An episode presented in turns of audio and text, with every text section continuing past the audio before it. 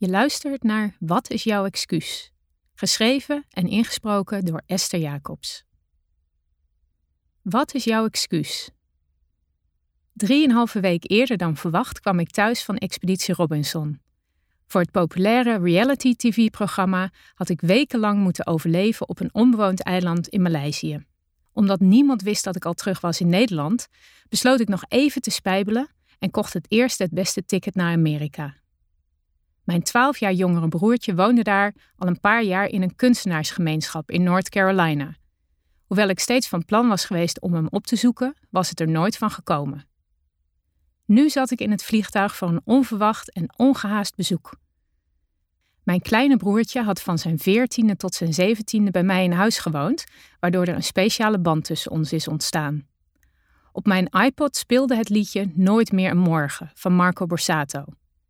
Ik had het altijd al een bijzonder nummer gevonden, maar luisterde nu eigenlijk echt voor het eerst naar de tekst. Wat zou je doen als er nooit meer een morgen zou zijn? Terwijl ik door het vliegtuigraampje naar buiten staarde, dacht ik na. Stel dat dit om een of andere reden mijn laatste dag zou zijn. Hoe zou ik die willen doorbrengen?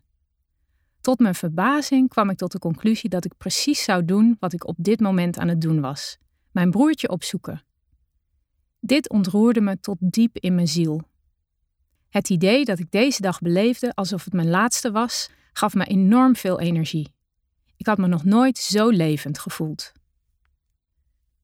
Toen ik 16 was, vertelde mijn helderziende buurvrouw dat de aarde binnen een paar jaar zou vergaan. Ik weet niet precies hoe of wanneer. Het kan binnen een jaar zijn of nog tien jaar duren, maar er staat onze ramp te wachten, vertrouwde ze me toe. Trek je er niks van aan, doe gewoon de dingen die je wil doen, maar houd dit wel in je achterhoofd als je iets leuks of belangrijks lang uit wil stellen, gaf ze me als advies mee. Dit was de eerste keer dat ik werd geconfronteerd met dit idee van gelimiteerde tijd. Tot dan toe had ik altijd als vanzelfsprekend aangenomen dat mijn hele leven nog voor me lag. Maar stel dat er echt iets zou gebeuren. Met de aarde of met mij? Hoe zou je je leven inrichten als je van tevoren wist dat je tijd beperkt was? Hoewel ik niet echt in een doemscenario voor de aarde wilde geloven, heeft het me onbewust toch beïnvloed. Ik koos voor een korte opleiding en ging daarna niet in loondienst, maar werkte als freelancer aan projecten van hooguit een paar weken. Ik plande geen dingen op de lange termijn. Daarom heb ik ook geen pensioen opgebouwd, niet gespaard, maar zorg ik tot op de dag van vandaag dat ik altijd net genoeg verdien om van te kunnen leven. Deze levensinstelling gaf me de kans om dingen te doen die normaal gesproken niet logisch zouden zijn. Ik dacht niet na over een carrière of pensioen, maar stond open voor wat er op mijn pad kwam en probeerde zoveel mogelijk in het nu te leven. Zo heb ik ooit een wenslijstje gemaakt met de landen die ik graag wilde bezoeken. Binnen een paar jaar heb ik toen mijn top 10 afgevinkt. Ik wandelde de beroemde Inca Trail in Peru om de prachtige ruïnes van de heilige stad Machu Picchu te bezoeken. Ik reisde door Brazilië, woonde een tijdje op een tropisch eiland en zwom met wilde dolfijnen. Ook heb ik zelf een vliegtuig en helikopter bestuurd en maakte ik een parachutesprong met vrije val. Het voelde zo geweldig om mijn dromen waar te maken. Natuurlijk waren er, vooral zakelijk, ook periodes dat ik dacht: waar ben ik mee bezig? Al mijn vrienden hadden goede banen en begonnen een gezinnetje. Ik probeerde steeds nieuwe dingen en stak mijn energie vaak in onmogelijke projecten. Daardoor leerde ik veel, maar ging ik ook vaak op mijn bek. Door alle reizen groeide langzaam het besef dat ik ook ooit nog een keer iets goeds wilde doen. Rondom de invoering van de euro kwam ik op het idee om het overgebleven buitenlandse muntgeld in te zamelen voor goede doelen. Een briljant idee, maar dat lukt je nooit, kreeg ik keer op keer te horen. Ik had geen idee waar ik aan begon. Als 28-jarige marketingconsultant had ik geen ervaring met grote projecten, wist ik niets van de goede doelenwereld of van geldverwerking, was ik volkomen onbekend en bovendien had ik totaal geen budget. Maar ik zag een kans en die heb ik met beide handen aangepakt. Een grote financiële klapper zou wel eens mijn oude dagsvoorziening kunnen betekenen. Laat ik het maar eerlijk toegeven. Ik ben Coins for Care begonnen om er zelf ook geld aan te verdienen. Alles liep echter anders dan ik dacht. Tot mijn verbazing en frustratie stuitte ik op enorme tegenwerking vanuit de gevestigde orde in de goede doelenwereld. Omdat ik geen budget had, deed ik alles anders en dat werd niet altijd op prijs gesteld. De tegenstand werd zelfs nog erger toen ik na de inzameling van vele miljoenen euro's vragen ging stellen over wat goede doelen eigenlijk deden met het ontvangen geld. Het was schokkend om te ontdekken dat goede doelen in Nederland niet worden geregistreerd of gecontroleerd.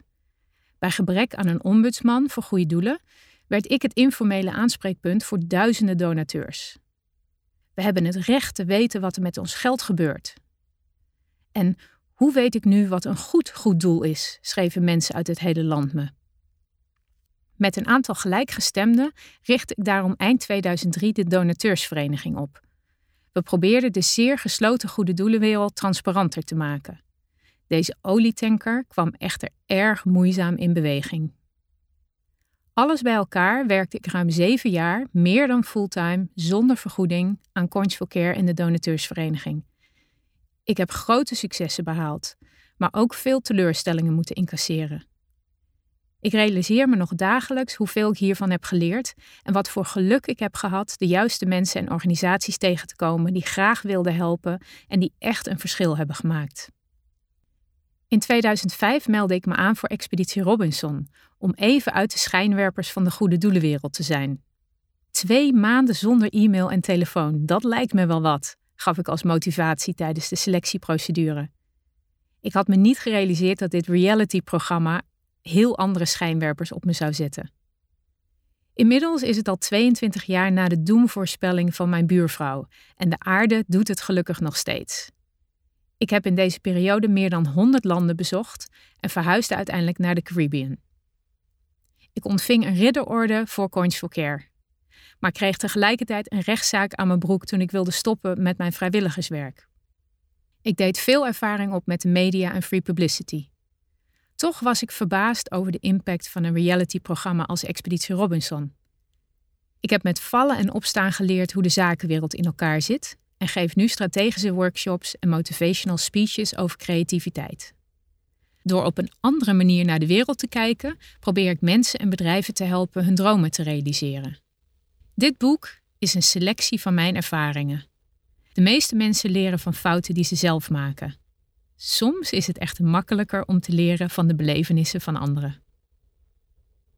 Ik heb mezelf onder extreme omstandigheden leren kennen. Ik vertel in het boek eerlijk hoe het voelt om je hart te volgen, je dromen achterna te gaan en dingen te doen waarvan men zegt dat ze onverstandig of onmogelijk zijn. Als mijn verhaal een paar mensen een stapje verder kan helpen op hun eigen pad, dan is het voor mij de moeite waard. Winnaars hebben een doel, verliezers een excuus, is een bekend gezegde. Aan de hand van de meest gehoorde excuses en mooie quotes die daar betrekking op hebben, vertel ik steeds een deel van mijn verhaal. Dit boek is absoluut geen handboek of to-do-lijst. Ik vergelijk het liever met een buffet aan indrukken. Een buffet bestaat uit veel verschillende gerechten. Zo is er voor elk wat wils. Er zullen ook dingen bij zitten die je niet zou aanspreken. Andere smaken zijn misschien nieuw. Het mooie van een buffet is dat je zelf kunt kiezen wat je wel en niet opschept. In elk geval hoop ik dat iedereen iets van zijn gading vindt en met een voldaan gevoel terug naar huis gaat. Of misschien wel op weg naar een nieuw avontuur om die lang gekoesterde droom te verwezenlijken. Wat is jouw excuus om je droom niet achterna te gaan?